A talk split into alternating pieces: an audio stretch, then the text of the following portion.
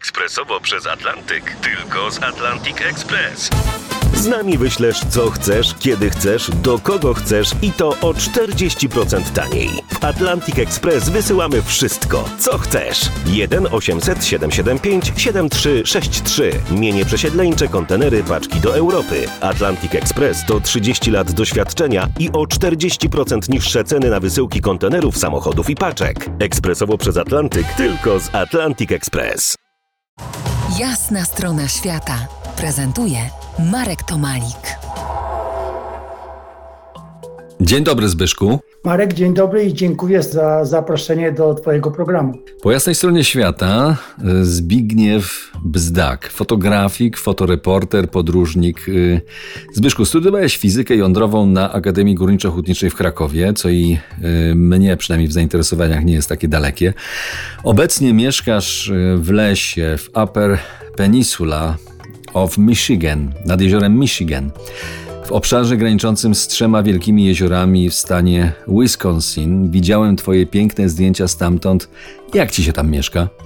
No jest bardzo dobrze, jest zima w tej chwili, czyli e, niestety dzisiaj pada deszcz ale i, i śnieg, ale bardzo mało.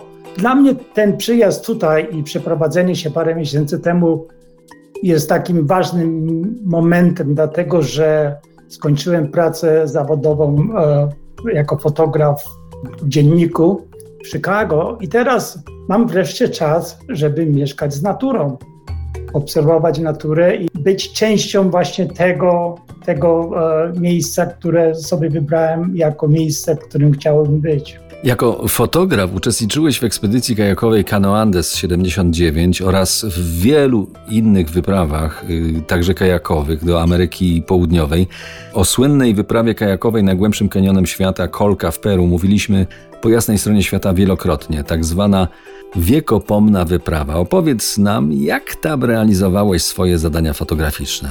W kanionie chyba ciężko jest to było dla mnie cała, całe od, odkrywanie świata i fotografii przez fotografię, dlatego że tak naprawdę nie byłem na nic przygotowany wyjeżdżając z Polski, ale przez dwa lata naszych podróży z moimi kolegami z kanału ADES 79 musiałem się tego wszystkiego nauczyć, skompletować sprzęt i później to wszystko po prostu nawet się o tym nie myślało, bo trzeba było dokumentować zwłaszcza wywożąc to z Krakowa, z klubu Bystrzej, z Kano Andes, było tak, że jeżeli nie ma zdjęć czy filmu z jakiegoś wydarzenia, to znaczy, że to wydarzenie może ktoś kwestionować. Nigdy się nie wydarzyło. A powiedz, a jak chronić y, przed wodą i uderzeniami w skały? No bo takie podejrzewam, że mogło się tam zdarzyć i zdarzały.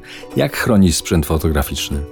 Myśmy po prostu mieli kilka takich kontenerów, które, które były e, wodoszczelne i to było wszystko przywiązane na, na pontonie. Po prostu ja byłem też, myśmy nie mieli dodatkowych ludzi, myśmy musieli robić i kajakowanie, i będąc na pontonie oraz fotografowanie, czyli gdy znalazło się miejsce, które chciałem fotografować, ktoś mnie mógł zastąpić z kajakarzy na e, pontonie, żeby można było zrobić e, zdjęcia nad y, wodę ze sprzętem fotograficznym wrócimy za kilka chwil. To będzie wielka woda, wielka rzeka, może ta największa. Zostańcie z nami. To jest jasna strona świata w RMS Classic.